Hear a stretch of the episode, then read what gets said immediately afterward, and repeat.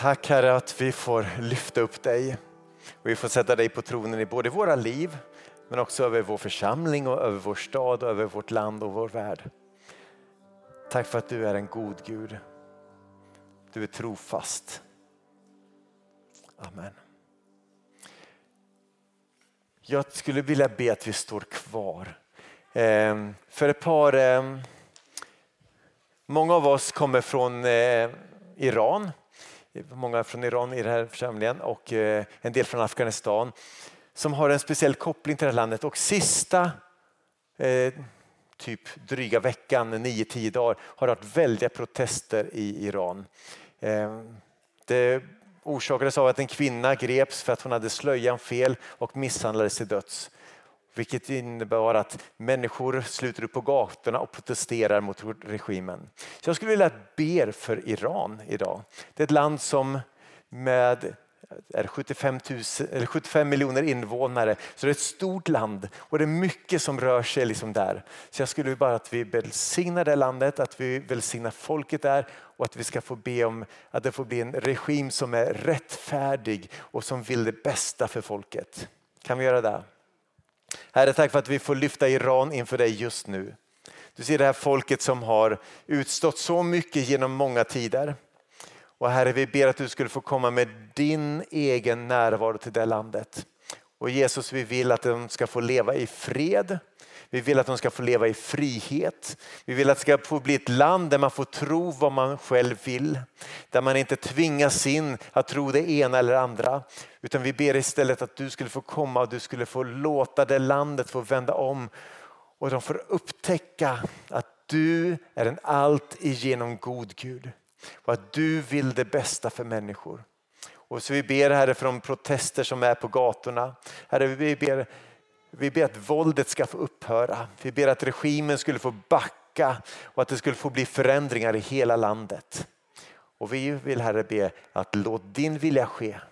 Låt ditt rike komma i Iran. Välsigna detta folk. Och vi ber att de ska få vända åter till dig. I Jesu Kristi namn. Amen. Varsågoda och sitt ner.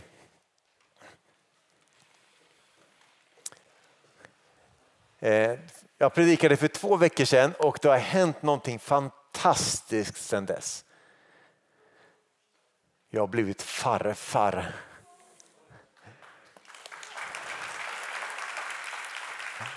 Jag, jag var morfar innan tre gånger men nu har jag blivit farfar. Isak här och hans fru Linnea har fått en liten flicka. Oh och jag har fått vara där och lukta, lukta bebis, det är jättehärligt. Ehm. Det känns spännande. Kim sa att vi ska liksom starta serien fast inte riktigt för vi har redan tjuvstartat den här serien som vi kallar för På väg. Och vi har egentligen, jag tror Kim, typ skjutit fram den här i två års tid tror jag. Det vill sagt att eh, snart, nej inte riktigt dags än. Det har varit pandemi och andra saker som gjort att vi har känt att vi har fått skjuta på det. Och, eh, och jag ska berätta lite varför den här serien är så viktig för oss. Jag har varit pastor i snart 30 år. Under den tiden så har jag fått sett många som har kommit till tro på Jesus, som har döpts, som har välkomnats in i församlingen. Och jag jag har nog själv fått döpa över hundra personer. Jag har fått se hundratals fått döpas och inlemmas i församlingen. Och en del av dem har liksom fortsatt att växa i sin tro. De har, det är som att liksom, tron är, har varit som ett frö som planteras. Det bara växer och det gror. Det, det blir större och deras tro på Jesus, deras relation med Jesus, den bara ökar och blir bättre. Andra som jag har fått se har jag fått uppleva hur de kämpar med tron. En del har vacklat och fallit. En del har till och med gett upp och sagt att Nej, men det här funkar det här verkligen? Funkar det här med Gud?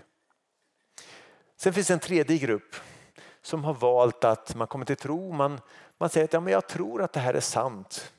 Jag tror att det här är riktigt. Jag tror på Bibeln. Jag tror att Gud har skapat och nu har Gud, eller Jesus funnits. Och, ja, jag tror att det är sant. Men där man kanske, om man ska vara ärlig, inte kan säga att att jag har fått en personlig relation med Jesus. Man tror att det är sant men den där relationen, att hjärtats relation med Jesus den finns inte riktigt där. Och det har gjort att jag ställt mig frågan att vad är det som gör att vissa får tag på Jesus och går med honom och är med honom medan andra verkar kämpa eller ge upp och andra ger mer upp och säger att ah, det kanske bara är så att jag får tro att det är sant och sen får det vara bra så. Det har gjort till att jag började för två och ett halvt år sedan att skriva på en bok som just nu är på tryck. Eh, Jag hade hoppats den skulle komma tills idag så vi kan, kunde fått läsa den tillsammans men någon vecka till ska det dröja innan den kommer. Och det är, liksom, det är det här som ligger till grund att hur kan vi hjälpa människor på deras vandring tillsammans med Jesus? Och det är riktat både till mig som har vandrat länge med Jesus och till dig som är ny i din vandring. Till det har vi också filmat eh, ett antal smågruppsmaterial. Vi har varit ute i skogen och filmat en vandring och vi har liksom undervisar och ungefär 6-7 minuter material som man kan se i sin smågrupp. Och så samtalar man om det och så finns det lite frågor som hör ihop med det. Det materialet är också översatt till engelska och till farsi så att man kan liksom få textat så att man kan följa med i, i det, som, det som står där. Så, och de filmerna kommer både till länk till de som är smågruppsledare men kommer också finnas på vår, hemsida, eller på vår Youtube-kanal. Och jag tror att en nyckel till att se att vår tro blir levande det är att man får en bra start med Jesus. Att man börjar se livet inte bara som ett beslut jag en gång fattade utan att se livet som en vandring tillsammans med Jesus. Och Det här är inget nytt. Därför att redan i gamla testamentet och rakt genom hela bibeln så får man känslan av att, att jag är inte bara kallad att, att leva och att tro på någonting. Jag är kallad att vandra med Gud. Och Det här sättet att tala det återkommer gång på gång att vi är på en vandring, vi är på väg. Och i, jag vet inte om du har använt ord som vägval eller att använt ord som det, det här var en milstolpe. Nu, fick vi, eh, nu blev jag farfar, det var en ny milstolpe i livet. Att använda så här reseord, det är många av oss som gör och det sker i en mängd kulturer över hela världen. Och Jag tror att det är därför att det är det bästa sättet att beskriva livet på. Att det är en vandring, det är en resa. Det är inte bara att jag finns till utan jag är på väg någonstans och jag är på väg. Och när vi då öppnar Bibeln så ser vi att det här fantastiska vägens språk finns som en tydlig röd språk i både gamla och nya testamentet. Det finns en pastor och evangelist som eh, har lämnat oss för ett antal år sedan här, men han heter Billy Graham. Han sa så här, att vara en kristen det är mer än en omedelbar pånyttfödelse. Det är, säger han, en daglig process eller en daglig vandring genom vilken vi växer och blir mer och mer lika Jesus. Så att vara en kristen det är en daglig vandring och jag tror att vi skulle det är min, vår förhoppning är att, att vi ska få börja se det kristna livet som en vandring. Att vi är på väg. Att varje dag som jag vaknar upp har betydelse för vart jag är på väg. I Efesierbrevet kapitel 5 och 15 finns ett fantastiskt exempel på, på det här. Och det står så här. Se alltså noga upp med hur ni lever. Inte som ovisa människor utan som visa. När de översatte Bibeln, den här versen, så gör man alltid avvägningen hur ska vi översätta ord? Och man valde att översätta det här ordet eh, det grekiska ordet paripateo med ordet lever. Så som sagt, ja, men det är det här vi vill att det ska signalera. Men egentligen betyder ordet paripateo det betyder att gå eller vandra. Så bokstavligt så står det i den här versen, se alltså noga upp med hur ni vandrar. Inte som ovisa människor utan som visa. Vi behöver alltså vara noga med vilken, vilka vägar vi tar i livet. Och det här liksom återkommer, jag nämnde förut att det är en röd tråd. Och tittar man i gamla testamentet kan vi läsa om att vi ska vänja den unge vid den väg han bör vandra. Det står att, att ditt ord är mina fötters lykta och ett ljus på min stig. Det står om kungarna hur de, hur de vandrade på rätt vägar och inte vek av åt något håll. Och så kommer Jesus och säger han så här att, att jag är vägen, sanningen och livet. Och när han kallade sina lärjungar så var de här klassiska orden Följ mig eller kom och vandra med mig. Kung David skrev en bön i psalm 86, vers 11. Och den i slutet så ska vi läsa den tillsammans. Därför att det är en bön som jag skulle önska att du gör till din. Han sa nämligen så här, visa mig Herre din väg. Visa mig Herre din väg så att jag kan vandra i din sanning. Våra liv är en vandring och våra liv består av ett antal steg som vi tar dag för dag. Och De här stegen som vi tar de leder oss åt ett visst håll. Vi kan välja när vi kommer till vägval att ska jag gå höger eller ska jag gå åt vänster. Och sen så vandrar vi och sen så helt plötsligt så kommer vi kanske till en punkt i livet där vi känner att Åh, jag är inte på en plats jag vill vara på. Det är ingen som har känt igen sig i det förmodligen.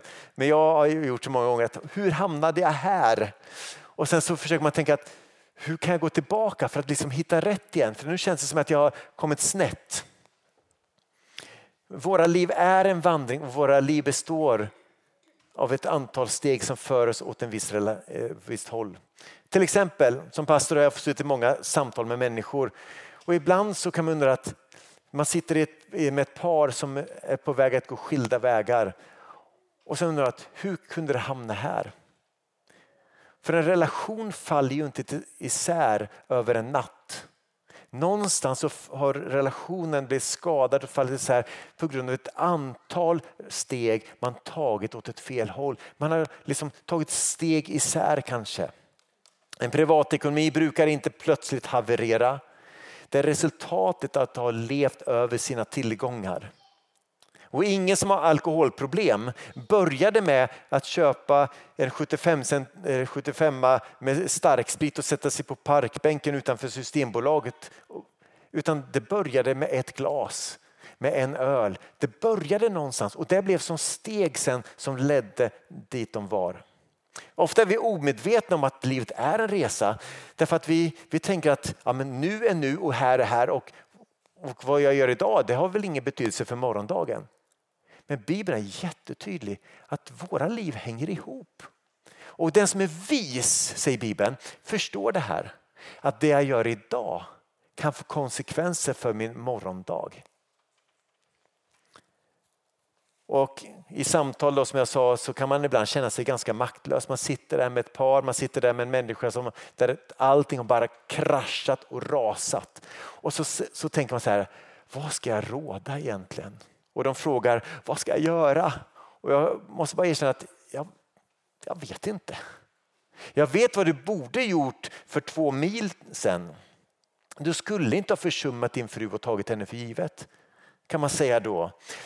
Men det är sällan så mycket tröst. Eller du borde inte tagit den där första ölen för det ledde dig hit. Eller du borde inte ha köpt alla de här prylarna på avbetalning och dragit på dig skulder som du inte klarade av att hantera. Du borde ha sparat först och köpt sen. Och Problemet är att vi ofta är så upptagna med här och nu. Vad kan jag få nu? Hur kan det bli för mig idag? Att man inte förstår att mina val idag formar min morgondag. Och Det här är Bibeln så bra på. Den visar oss att vill hjälpa oss att leva idag så att det blir det bästa för vår morgondag. Även om det idag kanske finns det lite mer obehag, lite mera kamp idag. Men för att morgondagen ska bli bättre. Därför att Gud vill ju vårt bästa. Han vet vart dina vägval leder. Han vet vart dina beslut för dig. Och därför är det så viktigt. Och precis här samma mönster finner vi faktiskt när vi talar om våra kristna liv. Om jag vill ha en levande relation med Jesus så finns det steg att ta. Om jag vill leva ett liv där jag är använd av honom, där Gud får verka genom mig och i mig, då finns det steg att ta. Och jag tror att vi ibland vill vara framme vid målet på en gång. Att vi har slarvat med starten på vår vandring. Och det är det som vi kommer att spendera nu sex veckor mot. Hur får vi den bästa möjliga starten i våra liv? Och för en del av oss, och jag har insett det själv när jag skrivit den här boken, att jag har behövt gå tillbaka i mitt liv och säga att har jag, har jag, lever jag i den här goda starten, har, har det här någonting som är levande i mig? För att min bild är att ingen vill hamna vilse. Ingen vill vara borttappad. Alla vill vara där man känner sig hemma, att jag vet vart jag är på väg och vart jag är på väg någonstans. Och ibland behöver vi stanna upp och lokalisera oss och se var vi befinner oss. Och kanske är det så att vi som kyrka ibland har också slarvat med att ge varandra den bästa möjliga starten på vår vandring. Och Paulus han återkommer, han använder det här ordet paripateo som vi pratade om förut. Han använder ordet 31 gånger för att beskriva hur vi ska vandra våra liv. Ett annat exempel finns från Kolosserbrevet kapitel 2 och vers 6 där det står att, att vi ska vandra med rot och grund i Kristus. Vid ett annat tillfälle i Fesebrevet så säger han så här att, att vi är skapade för att göra de goda gärningar som Gud från början har bestämt oss till. Det ordet göra är också peripateo som betyder bokstavligen att, att vi är skapade genom Kristus Jesus för att vandra i de goda gärningar som Gud från början har bestämt oss till. Och det ställs i en jättekontrast då i, i Filipperbrevet 2.10 mot den första versen i kapitel 2 där det står att vi kan vandra i, i överträdelser och synd. Alltså det finns två olika sätt att vandra på. Det är ett vägval. Ska jag däråt eller däråt? Och så är det. Våra. Vissa vägval är väldigt viktiga. Vissa vägval i våra liv de, de ger en inriktning för resten av våra liv och säger vart kommer jag att vara på väg? Så när Gud kallar oss att vandra, att leva våra liv så är det till att han längtar efter att vi ska säga Jesus, jag vill att du ska leda mig. Eller som kung David sa, Herre visa mig din väg så att jag kan vandra i din sanning. Och när vi läser i Bibeln så inser jag att det är det livet som Gud har för oss som är det absolut bästa möjliga. Och det är inte undra på att när lärjungarna sen kommer och Nya Testamentet började så kallas faktiskt Jesus för vägvisaren till livet i Apostlagärningarna kapitel 3. Och de första kristna de kallades för efterföljare, alltså sådana som följer efter. De kallades för lärjungar eller helt enkelt ett ställe bara för vägen. De kristna kallades för vägen. Och här har jag landat att jag tror att vi skulle behöva hjälpa varandra på den här vägen ännu mer. På pingstdagen då församlingen föddes kan man säga då var det en explosion av människor som kom till tro. Som, eh, som ville liksom, de hörde Paulus ord, eller Petrus ord och de sa att det här vill jag tro på, det här vill jag ha. Och då står det så här i kapitel 2, vers 4, eller 41. De som kom till tro lät döpa sig och den dagen ökade de troendes antal med inemot 3000. Och sen kan vi läsa vidare på Apostlagärningarna hur, hur eh, de första kristna liksom hjälpte varandra att följa Jesus. Och det står eh, ganska gång på gång liksom att, att det här var inte någonting som man lämnades ensam att upptäcka det här livet utan man upptäckte det tillsammans med andra. Och det fanns ett mönster för hur man gjorde för att hjälpa varandra. Och vi har det redan här i kapitel 2 i Apostlagärningarna. Därför att när Petrus hade talat så kände de bara att det här som du säger nu, det här som du talar om, det vill jag börja tro på.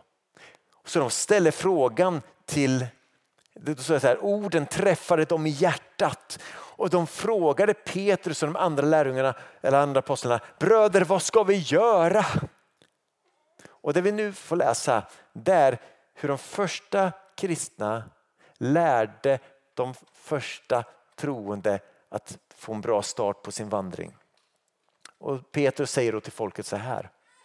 Omvänd er och låter alla döpas i Kristi namn. Alltså då vi omvänder oss liksom så, så får vi, liksom, det är inte bara ett, någonting som, tanke som jag har i mitt huvud utan att det sker någonting när jag omvänder mig och låter sig döpas och då vi gör det så blir vi rena och förlåtna. Vi får förlåtelse för våra synder står det. Men Gud lämnar oss inte där tomma och rena och liksom förlåtna. Så han fortsätter säga att, att när vi nu döps, omvänder oss, oss och tror och blir döpta, då ska vi få en gåva, den heliga ande. Och sen säger han så här att det här löftet gäller för er och era barn och alla de långt borta som Herren vår Gud vill kalla. Och det, gång på gång så kan vi följa det här mönstret om omvändelse, tro, dop och uppfyllandet av Guds helige ande. Och det är inte så här att man sen bara kan säga yes, jag är klar. Nu är det här färdigt. Det här är faktiskt sättet som vi går på i Guds rike. Det är inte så att jag har en gång omvänt mig och sedan är allting klart. Det är i princip att jag varje dag får tänka Gud, hur vill jag vandra idag? Tron är någonting som inte bara är att jag en gång trodde att Gud fanns, jag en gång sa ett mitt ja till att jag vill tro på dig. Utan tron är, är någonting som är tänkt att vara någonting levande i oss varje dag. Dopet är inte bara en, en, ett dopp i vatten en gång utan dopets betydelse har betydelse för hela min vandring. Och att få ta emot av Guds heliga ande är inte bara någonting som jag en gång gjorde. Guds ande vill inte vara en tyst passiv närvaro i våra liv. Han vill vara en högljudd, levande och verksam närvaro i oss. Och han vill tala till oss, han vill berätta för oss vad som ligger på Guds hjärta och han vill få oss att upptäcka mer vem Gud är. Så de här fyra stegen det är starten på vår vandring med Jesus men det är också det sätt som vi vandrar på i Guds rike. Och vi kan aldrig liksom lämna omvändelse, tron, dopet och den heliga ande bakom oss och säga nu är jag klar. Nu är jag färdig med det där. Utan det är någonting som vi ständigt behöver upptäcka. Ett exempel på det här finns när vi i Apostlagärningarna kapitel 19 från vers 1. Då står det så här. Medan Apollos var i Korint så kom Paulus efter sin resa genom inlandet till Efesos. Han kommer alltså till den här stora, stora staden Efesos med 240 000 invånare. Då står det så här, där träffade han några lärjungar. Och han frågade dem, som han då förmodligen var supertaggad på att få höra, har ni fått den helige ande när ni kom till tro? Men de svarade, vi har inte ens hört om att det finns någon helig ande. Vilket gjorde Paulus väldigt fundersam. Så han ställer frågan här, men med vilket dop blev ni då döpta med? Och då svarade de Johannesdopet. Paulus sa det och då förstod han hur det hängde ihop. Då sa han att Johannes dop det var ett omvändelsedop, alltså det första steget. Och han uppmanade folket att tro på den som skulle komma efter honom, det vill säga Jesus. Så får han då förklara vem Jesus är och de kommer till tro på honom. Då, då står det så här att då lät de döpa sig i Herren Jesu namn. Och när Paulus lade sina händer på dem så kom den helige ande över dem och de talade med tungor och profeterade. Och de här fyra stegen som vi, jag och Kim, vi kommer att eh, spendera de närmsta veckorna mot att försöka att grotta in oss i det här och få se vad innebär det att leva i omvändelse? Vad innebär tron i våra liv? Vad har dopet för betydelse och hur kan vi få leva inte bara så att vi en gång fick ta emot den heliga ande utan att vi varje dag kan få leva tillsammans med den heliga ande. Och med facit i hand så måste jag bekänna att jag ibland har slarvat med att hjälpa nya att ta de här första stegen. Jag har varit så glad att de säger att ja, men jag vill tro, åh vad härligt och så döper vi dem och sen så är vi så glada.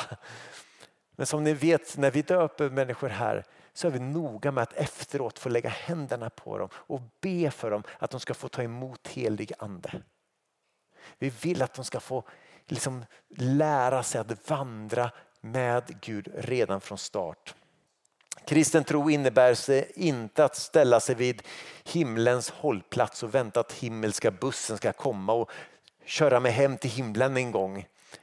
Utan det är tänkt som en vandring. Och den vandringen finns med i det här smågruppsmaterialet som vi har. Den, hela boken präglas av det. Och jag skulle önska att du tar ett beslut att du under de närmsta veckorna bestämmer för att jag vill börja upptäcka den här vandringen tillsammans med Jesus. Och jag vet inte vart du befinner dig på din vandring med Jesus. Kanske har du inte ens omvänt dig än. Du, du vet inte riktigt om du tror. Kanske har du börjat att tro. Du kanske trott hela ditt liv men, men det har ändå inte blivit någon så här markant skillnad. Att, att du, du, du märker inte att det här fungerar. Jag känner Jesus. Du tror på honom men relationen finns inte där. Eller så kanske du eh, inte än har låtit döpa dig. Och ingen har än lagt händerna på dig och bett att du ska få ta emot av Guds heliga ande. Jag vet inte vart du befinner dig men jag önskar att de här veckorna framför så ska du komma vidare på din vandring. Vi kanske ska ha dop om några veckor. Det kanske vore perfekt för att du känner att det, det har jag inte bestämt mig för än.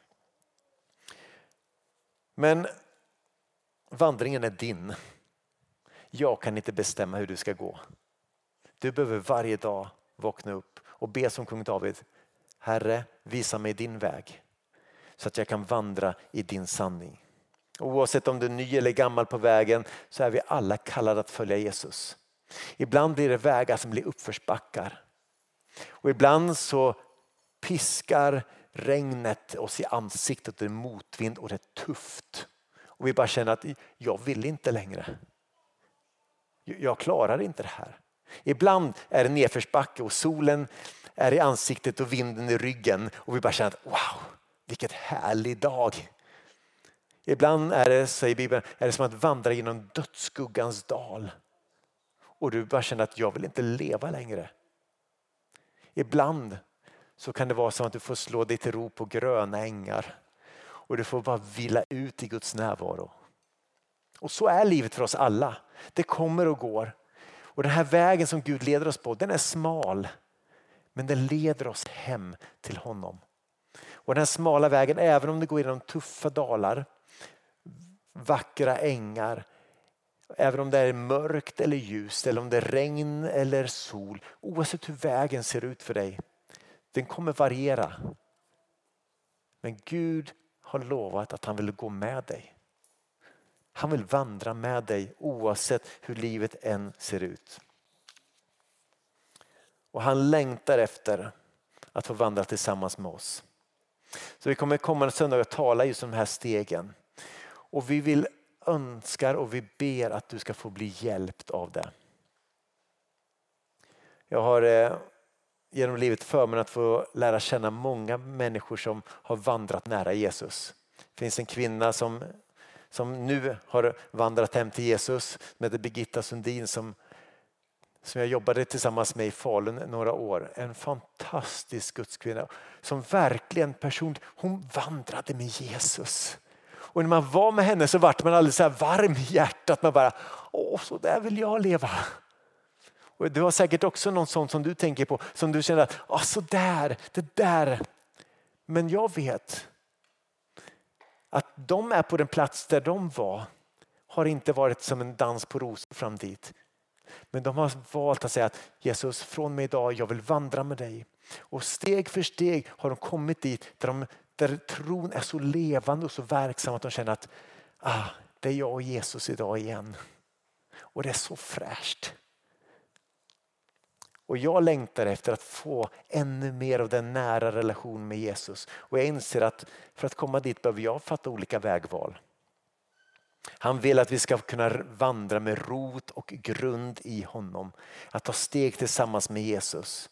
Inte bara leva liv där vi tror att han finns utan där vi känner honom.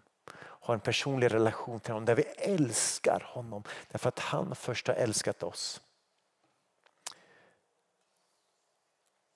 Och det är min, vår bön att vi ska få göra den här resan tillsammans. Och faktiskt är det det som korset handlar om. Jesus kom hit som en vägvisare för att visa vägen tillbaks till Gud när vi hade gått vilse. När vi hade vandrat på våra egna vägar då kom Jesus för att visa oss på rätt väg. Och korset, det är där vi får börja. Det är där vi får omvända oss. Det är där vi säger Jesus, jag tror på dig. Du som har dött för mig.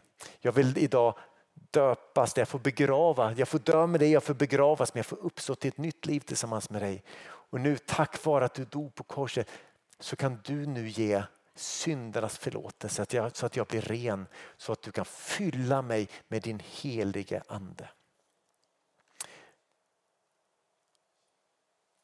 Så jag tänkte att vi ska avsluta nu genom att vi ber kung Davids bön tillsammans. Vi kanske ska göra så att vi ställer oss upp än en gång. Den här kung Davids bön den sa att visa mig Herre din väg så att jag kan vandra i din sanning. Jag tänkte att för dig som känner att det här är din bön just idag, att du vill att Gud ska visa dig hans väg. Du får gärna vara med och be den här bönen. Och jag kommer be, jag tror jag ber den tre gånger på raken så att du kan haka på ifall du skulle vilja. Så visa mig Herre din väg så att jag kan vandra i din sanning. Visa mig Herre din väg så att jag kan vandra i din sanning. Visa mig Herre din väg så att jag kan vandra i din sanning. Och Herre, du ser oss som har bett den här bönen.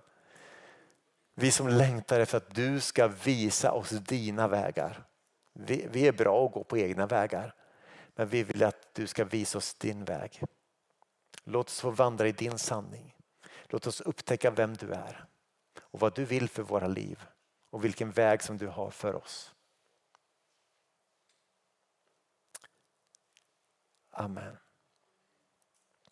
Vi ska sjunga tillsammans med Kim. Vi ska ha en förbönstund och vi har lite krukor. Vill du bara berätta?